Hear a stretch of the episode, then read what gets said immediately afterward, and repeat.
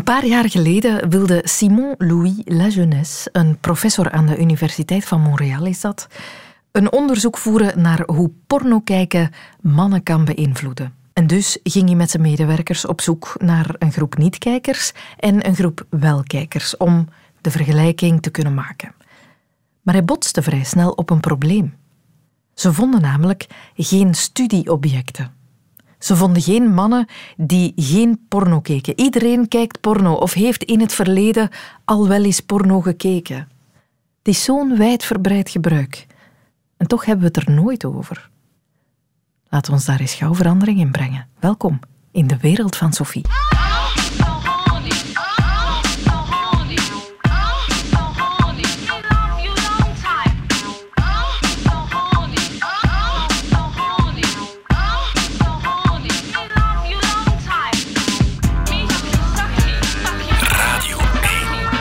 Die iedereen kijkt porno moeten we misschien een beetje nuanceren. Ik had het erover met Sam Geus. Hij is seksuoloog aan de PXL Hogeschool ongeveer iedereen kijkt porno. Uh, het gaat niet veel schelen. Als we gaan kijken naar mannen en vrouwen bijvoorbeeld, dan vinden we inderdaad dat de meeste studies rond de 99% vinden van de mannen die inderdaad af en toe porno kijken.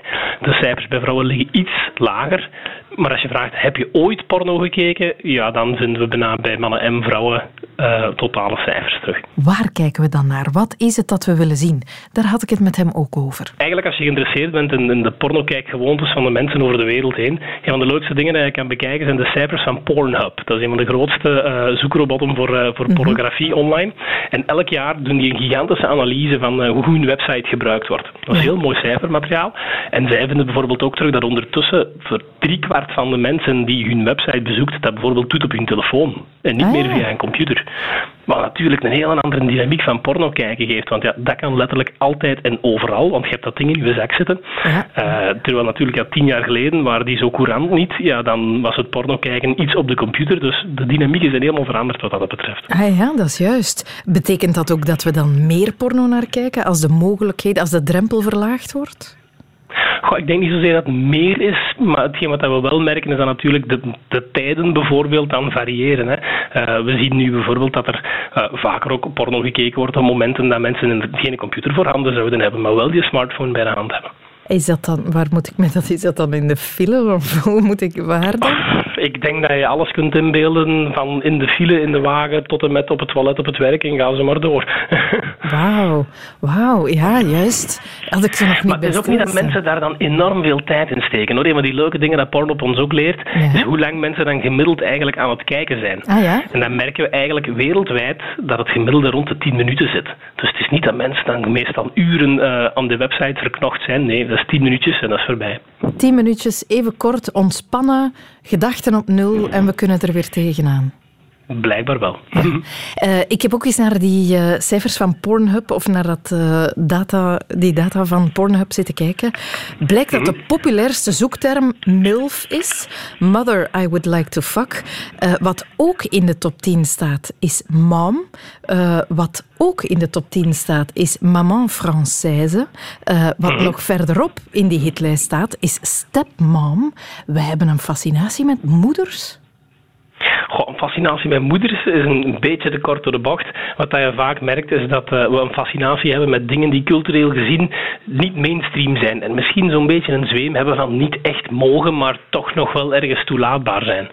En dat vind je heel vaak terug in, uh, in die pornocategorieën waar dan dat naar gekeken wordt. Dat mensen inderdaad daar experimenteren in het kijken naar dingen die ja, op het randje zitten van wat we anders cultureel aanvaardbaar zouden vinden. die echt moeilijk zijn om aan je partner mee te delen. Ja, die zouden inderdaad nog een pak moeilijker liggen, denk ik. Sister staat ook in die hitlijst, hè? Ja, inderdaad. En ik denk dat dat een stukje dezelfde, dezelfde logica is. Hè. We, we worden daar uh, blijkbaar geprikkeld door dingen die ja, in het dagelijks leven niet zo snel gaan voorkomen en in het dagelijks leven ook niet echt zo open onthaald zullen worden. Nee, en dat is dan wel, ja, daarvoor is porno wel iets goed. Dat is een soort veilige omgeving om die gevoelens te gaan exploreren, eventueel. Ik denk inderdaad dat, het, dat op zich een interessante functie van porno is. Hè. juist ook als je zei van god, we vertellen het niet aan onze partner, want we zijn bang dat ze het misschien als ontrouw beschouwen. eigenlijk is dat een gemiste kans. Hè. Mensen vragen soms van, zou het een goed idee zijn als ik samen met mijn partner naar porno zou kijken? Uh, mijn antwoord is dan meestal, als je dat alle twee ziet zitten, ja, dan is dat een goed idee. Want het kan maar een discussie of een gesprek losmaken over wat vind jij nu leuk en wat vind ik nu leuk. En dat doen we sowieso al veel te weinig. Aan ons partners duidelijk maken wat we leuk vinden op seksueel gebied en wat niet. En als je samen gaat porno kijken, ben je automatisch aan elkaar aan het duidelijk maken wat je interessant vindt en wat je niet interessant vindt. Dus dat zou een heel interessant iets kunnen zijn voor koppels. Ja, ja, ja. Ik heb het met u al eens gehad over pornoverslaving. Uh, wanneer uh, porno kijken problematisch wordt. Maar u hoort niet zo graag het woord verslaving in die context. Hè?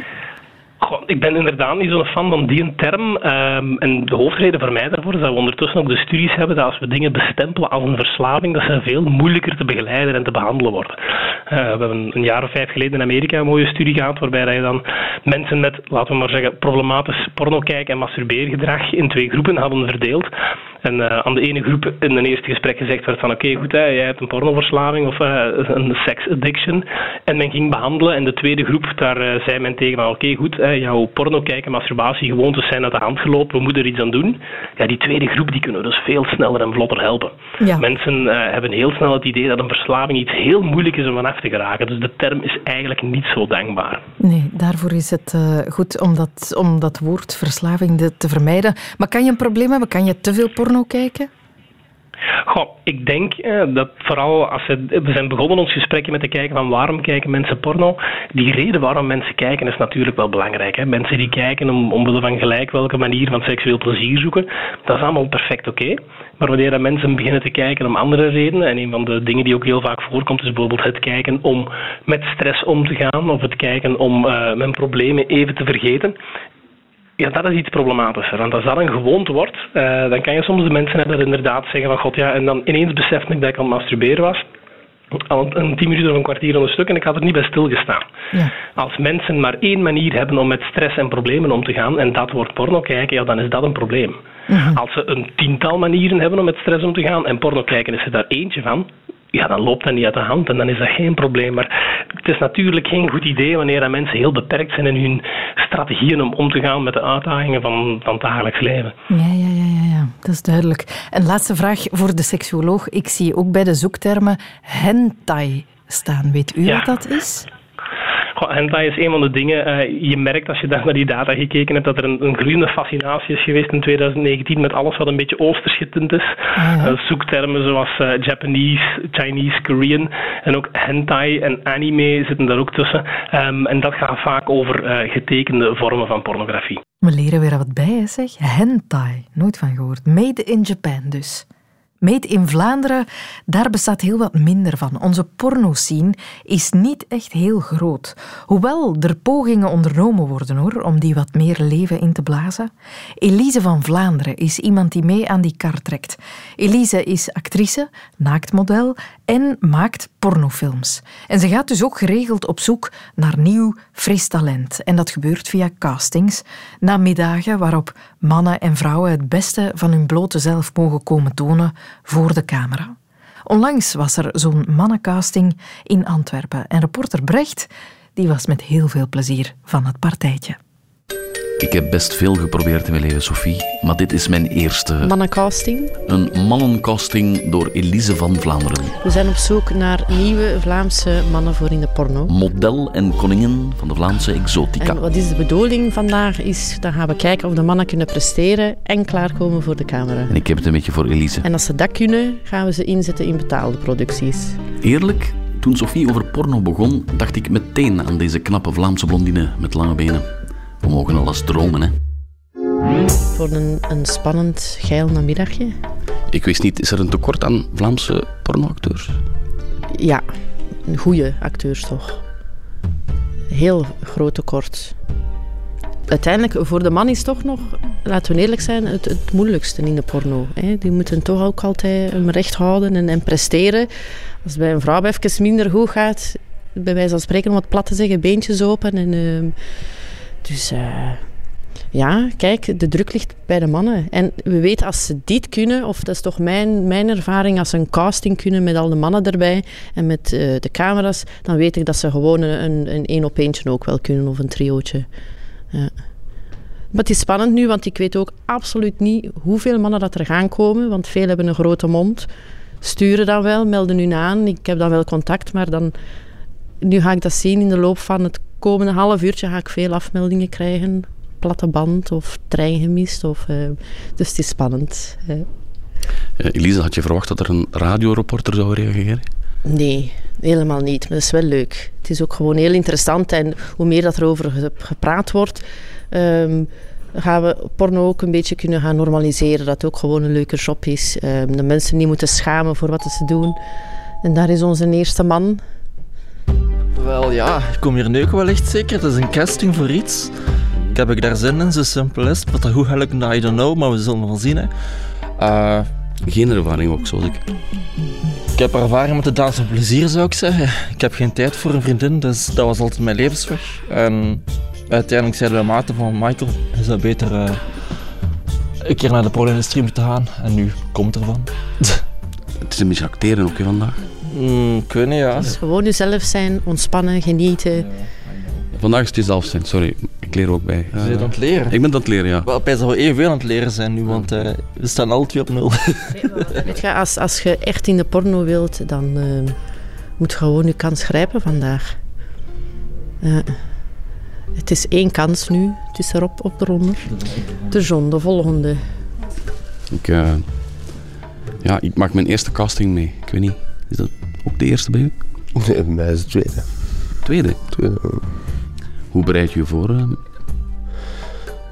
Nee, je moet daar niet te veel doen. Als je te veel voorbereiding doet, dan... Uh, niet te veel denken? Ja, dan komt het niet goed. Zo. Dat is de ervaring die ik heb opgedaan van de eerste, dus... Ja.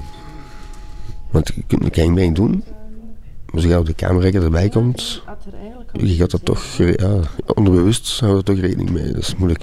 Want ze denken van, als je een filmpje kan maken, maar zonder shit, hey. Het, is, het is werken. Dat is echt, dat is echt werken. Want ik hoor dat veel, zo, oh, hem serieus, of je gaat in de boter gevallen, zo, maar het is werken. Echt, zo simpel is het. Het gaat niet meer zomaar vanzelf, dat gaat niet. Hè. Was je blij van die eerste keer? Wat? Was je blij van die eerste keer, van de eerste casting? Ik ben content van, ja. ja. Heel veel wat tegen eigenlijk. Daarmee dat ik... Uh... Veel tegen op welke manier? Stress. Ik weet niet of het stress is, maar ik word ook zenuwachtig. En ik schuif wat dichter tegen Elise. De Vlaamse pornowereld, ja. die moet toch wel heel klein zijn? Die is, ja, te klein. Maar daar ben ik aan het proberen verandering in te brengen. Het, het is gewoon, uh, in Vlaanderen is het spijtig dat er een hele negatieve sfeer rond porno hangt.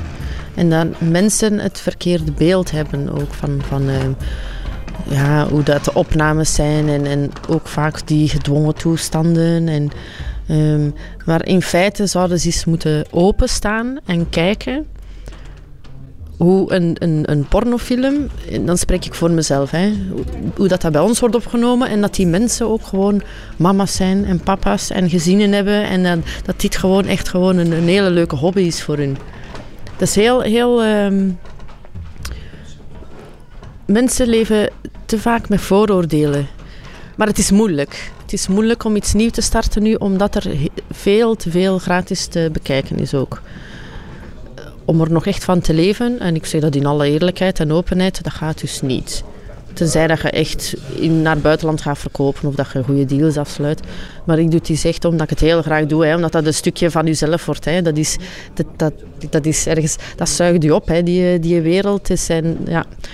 Ik ben dan mama ook van vier kindjes. En, en daarnaast ben ik dan, heb ik dan mijn Elise-stukje, zeg ik altijd. Hè. Als ik mijn kindjes niet heb, ben ik Elise. En dan ja, ik heb daar ook ik heb daar nood aan. Ik heb dat nodig ook. Ja. En speel je zelf, sta je zelf nog voor de camera? Nee. Nee, dat is echt een grens. Ik heb daar ook geen, niet die behoefte aan. Omdat ik ook gewoon mijn voldoening haal uit, uit, de films maken, het, het creëren, ehm, het, creatieve erin, ehm, de mensen zoeken, de combinaties. Maar ja, dat is juist het mooie. Hè. Zo heeft ieder zijn eigen job in de porno en doen wat ze graag doen. Lina is ook aangekomen. Nu hebben we dan de twee dames. Maar je hebt het wel gedaan. Voor de camera? Nee. Oh, wel als, als, als, model, fotoshoots ah, en zo, dat wel. je hebt nooit porno gedaan zelf? Nee, ah. nee, nee. Is dat raar? Want ik wou net wel allee, weten wat het is om daar professioneel in te staan. In Weet je, ik, ik word gewoon niet graag bekeken. Dus voor mij zou dat geen goede job zijn. Maar hun genieten daar juist van als mensen kijken. Als ze ook weten dat mensen nadien blijven kijken naar hun filmpjes. Weten, daar halen zij hun voldoening ook uit. Dus dat moeten we vooral hebben, dat exhibitionisten, dat je zegt. Um, maar dat zit niet in mij. Laat mij maar achter de, achter de schermen mijn ding doen en mijn creativiteit losbarsten. Ja, ik, ik doe hetzelfde, maar dan met, met geluid. Ja. Hm. Uh, Lina is het. Ja, dat klopt. Lina. Lina. Dat is de echte naam? Nee. Lina, uh, het is mijn eerste casting. Het is wat je graag doet, denk ik. Ja. Je vindt dat wel leuk, je wilt dat proberen en, en, zo gaat dat denk ik wel. Ja, maar het is wel leuk ook. Ja, ik amuseer me wel. Anders zou ik er mijn job niet van maken. Ja, ja, ja. Ik heb al meerdere films staan. Ik ben zelfstandig ook. Dus. Ah ja, je bent zelfstandig? Uh... Ik heb al shoots gedaan in Nederland. Bij verschillende studio's die ook zo fetish dingen doen. Dus dat vind ik wel leuk. Is België zo een, een, een pornoland? België, nee. Daarvoor moet je naar Engeland gaan of naar, naar Oost-Europa of zo. En dat, doe je, en dat doe je of niet? Nee? Uh, binnenkort ga ik naar Spanje en Engeland ben ik ook al geweest. Dus prima. Maar België? Hm. Ja, België is vrij kleinschalig. Ons landje is klein, maar alles die erin zit is zo klein. Hè. De pornoproducties zijn dan ook klein, weet je Allee, het is zo gegroeid, dus allee, ik sta ervoor open om pornoactrice genoemd te worden. ook al was dat eigenlijk niet de bedoeling geweest, maar het is gewoon zo gegroeid en ik vind het wel leuk, dus waarom zou ik het niet verder doen? Ja. Als kleine zelfstandige? Ja, een eenmanszaak. Ja, maar het is echt een klein, hè? Je bent klein, hè? Je bent ja, petit, Lolita. Wacht, dan denken aan de zoektermen. Petit, Lolita, small, uh, tiny. ja, het van alles, hè. Petit is het vooral, denk ik. Petit. Ja. Zondagnamiddag. Lina staat in lingerie en de mannen gaan in boxershort. Als ik mij al ongemakkelijk voel, is het omdat ik mijn kinderen thuis alleen achtergelaten heb voor een pornocasting in Antwerpen. Maar de sfeer is gemoedelijk, relaxed en ook een beetje lacherig. Als twee camera's verschijnen, wordt uw reporter echt zenuwachtig. De macht en de pracht van het woord zit erop. Actie. Je bent, je bent uh, cameraman van dienst? Ja, klopt. Ik, uh, ik uh, ben de partner van Elise en ik werk, we werken samen aan de producties. Maar ze houdt zelf haar kleren wel aan. Ze staat achter de camera. Dat is altijd zo geweest. Hè? Ze heeft nooit voor de camera gestaan. Dus uh, ja, dat is geen verrassing. Ik wil ook niet voor de camera.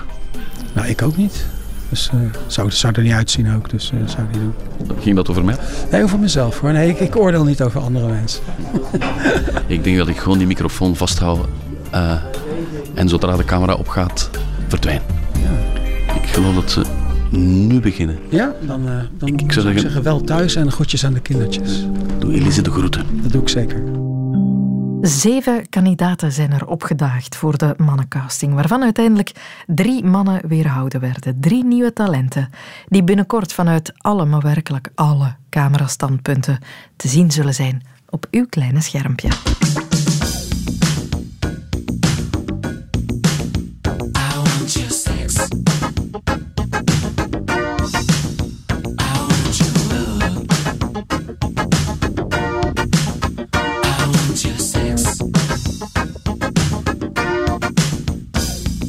Ontdekt dat België niet altijd zo klein geschapen was als het op de porno-industrie aankomt. Brussel was ooit Porn Capital of the World, niet gezeverd. Dat heb ik geleerd van Leon Janssens. Hij is doctorandus aan de KU Leuven en bestudeert voor zijn doctoraat eigenlijk de geschiedenis van de pornografie. Ik had het met hem over het ontstaan van de pornografie en die term is eigenlijk een pak jonger dan je zou denken. Het woord ontstaat eigenlijk aan het begin van de 19e eeuw, aanvankelijk in het Frans, in een academische context.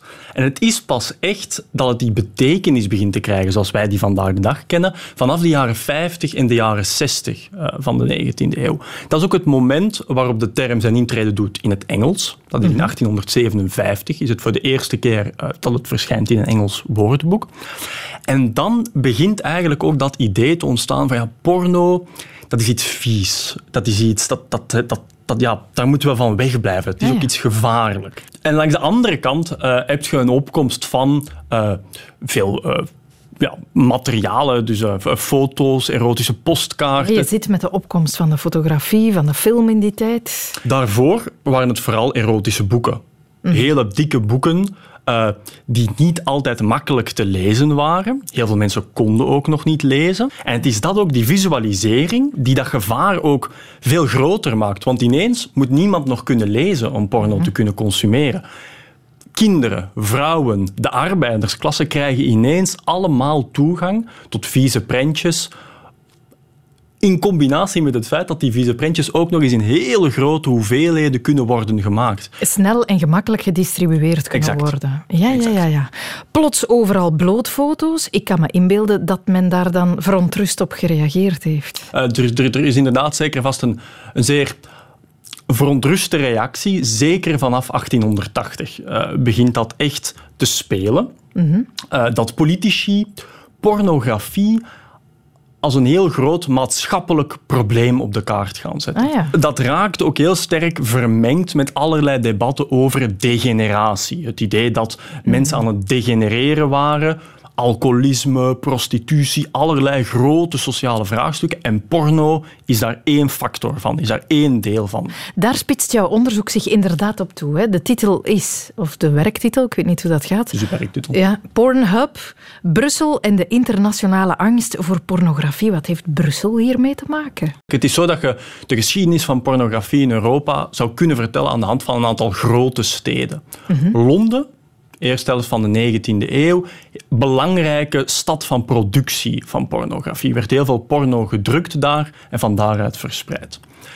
En dan is het eigenlijk zo dat in Engeland op dat moment dat er heel veel strenge wetgeving gaat komen. En dat die, heel veel van die pornografen eigenlijk een beetje weggejaagd worden uit Londen, zou je kunnen zeggen.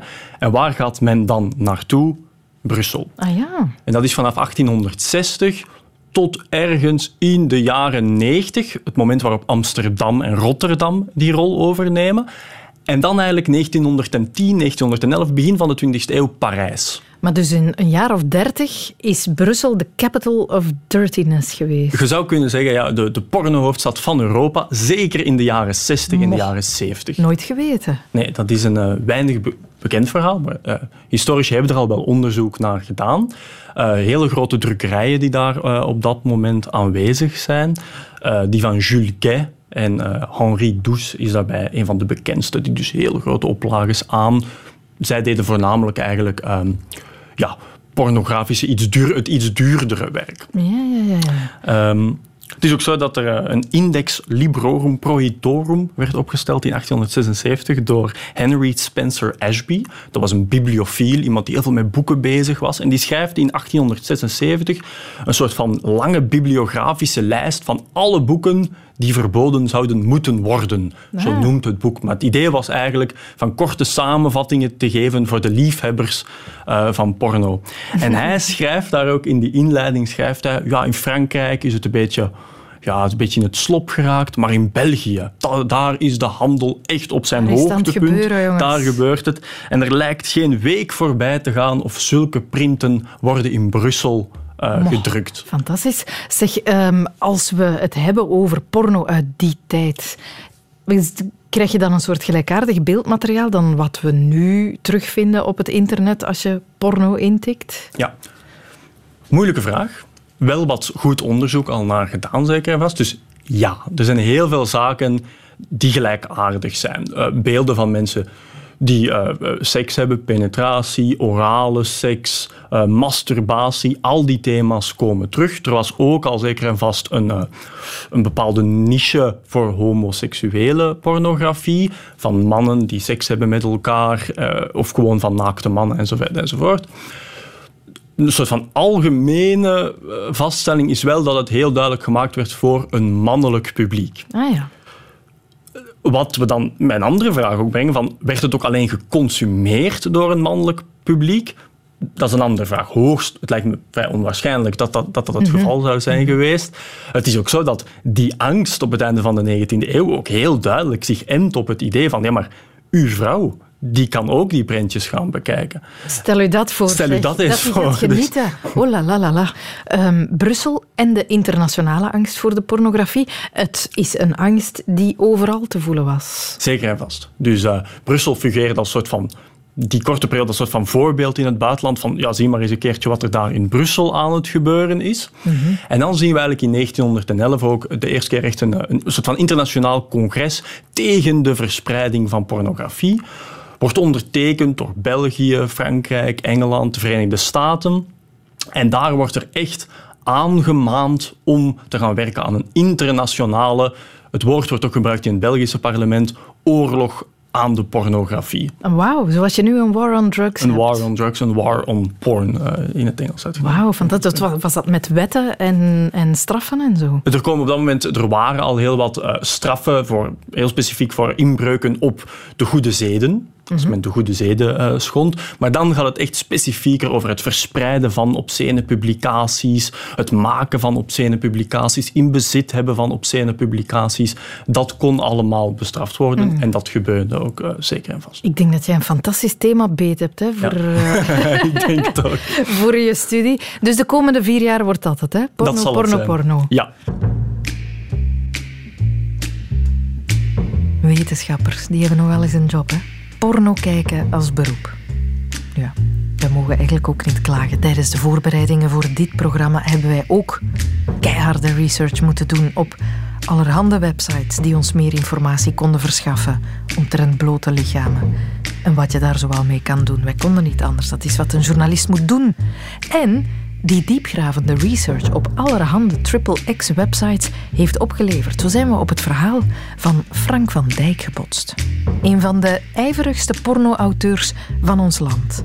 Een auteur die, terwijl hij porno schreef, tegelijk door de abdij van Averbode ingehuurd werd om de jeugd van stichtende literatuur te voorzien.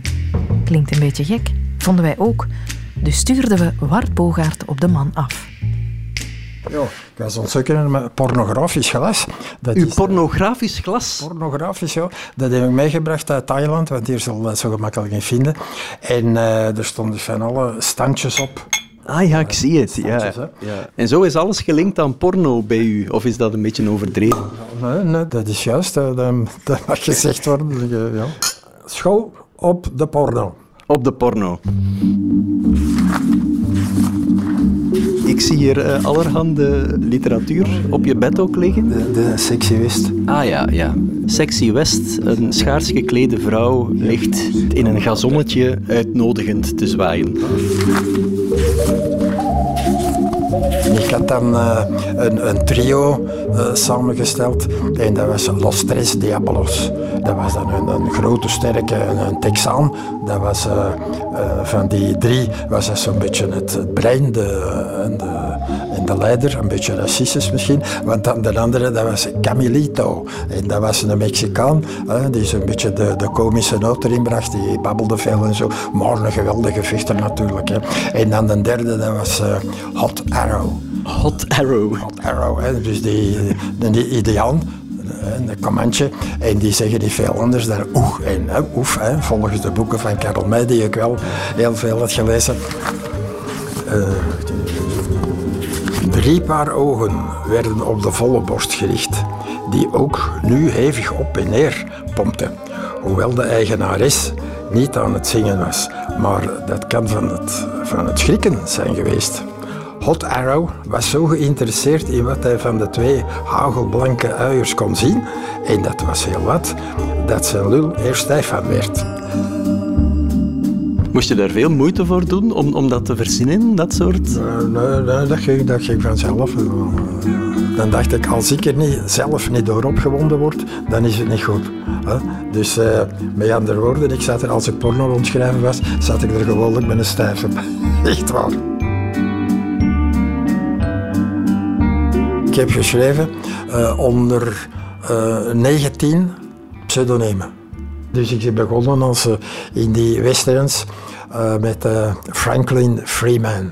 Franklin Freeman. Ja, je kunt je een, een, direct, een uh, western schrijven en ondertekenen met Frank van Dijk. Dat nemen de mensen niet aan. Hè. Dat, dat is en dan ook nog Paco Calpino. Want dat is, uh, het mag een beetje Mexicaans zijn ook. Hè.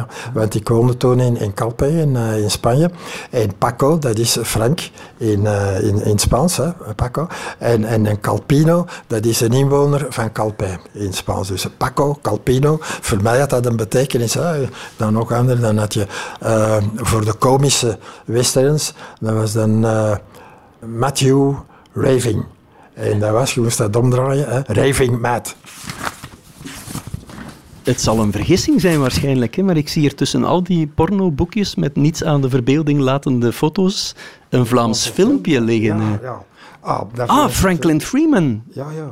Jij hebt Vlaamse filmpjes ook geschreven. Ja. Ja, en is dat dan ook porno? Nee, dat kan ik me niet voorstellen. Nee, nee, dat kan niet. Nee. Uh, maar er, er, is toen veel uh, want ik, ik, ik wilde toen in Spanje en ik wist niet zo goed wat er hier allemaal gebeurde. Hè. Maar dus in dat wereldje van uitgevers en schrijvers enzovoort. Eh, die mensen hebben zich bescheurd van, van het lachen. Hè. Ik was dus de man die de porno in het klooster had gebracht de Vlaamse filmpjes. Dat is dus uitgegeven door de Goede Pers in Averbode. En dat, dat waren paters. Hè. En dat heeft dus jaren geduurd dat ik gewoon een boekje staan, een, een seksboekje. En daar uh, de seks uitfilterde. Hè. En dan bleef er nog genoeg over, het, het vertellingetje. Want, uh, daar ben ik fier op, dat in al mijn uh, pornoboekjes, dat is niet alleen ja, de, de porno, de seks, maar dat er ook nog een, wat ze noemen, een intrigue, een plot ik noem dat een vertellingetje in zat, dat, dat ook nog eh, interessant was buiten, buiten die seks. Hè. Dus jij hebt uit pornoverhalen de seks geëlimineerd en die omgebouwd tot Vlaamse filmpjes. Ja, ja, ja juist. En, en hoeveel porno-Vlaamse filmpjes zijn er dan zo gemaakt? Ja, dat heeft uh, een aantal jaren geduurd. En er zijn een paar dozijn uh, Vlaamse filmpjes uh, opgebracht.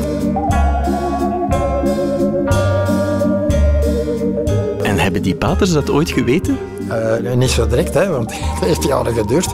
Het schijnt, dat hebben we dan veel later vernomen, dat er op een keer was er een, een papa die een, uh, pornoboekje aan het lezen was. En die kreeg in de gaten dat zijn zoontje hetzelfde verhaal aan het lezen was, maar dan in, in als Vlaams filmpje. Hè. En die, die onnozelaar, waarom moest hij dat gaan zeggen tegen die patertjes? waarom? Maar ja, hij heeft het dan toch gedaan. En, en op slag was het afgelopen met, uh, met de Vlaamse filmpjes van uh, Franklin Freeman. Hè. Maar het betaalde goed, mag ik hopen. Ja, die, betaalde goed. Dat was in die tijd, hè, dus dat was in de jaren 80 zoiets, 10.000 frank, Belgische frank in die tijd, hè, voor, voor zo'n boekje. En er waren erbij die ik op één dag heb geschreven. Hè, dus dat seksboekje genomen, naast mij gelegd, en tak, tak, tak, op een machine. En hè, de, de seks eruit. En, en was veel eh, bijna, bijna kopiëren. Hè.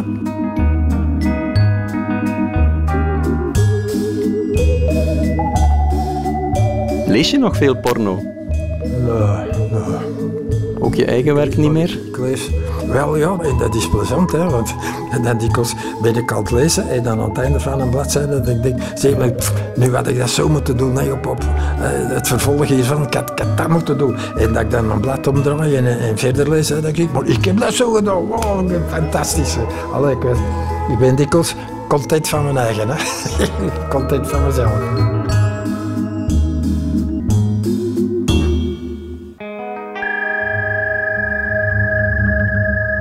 Porno-auteur Frank van Dijk, alias Paco Calpino, blikt tevreden terug.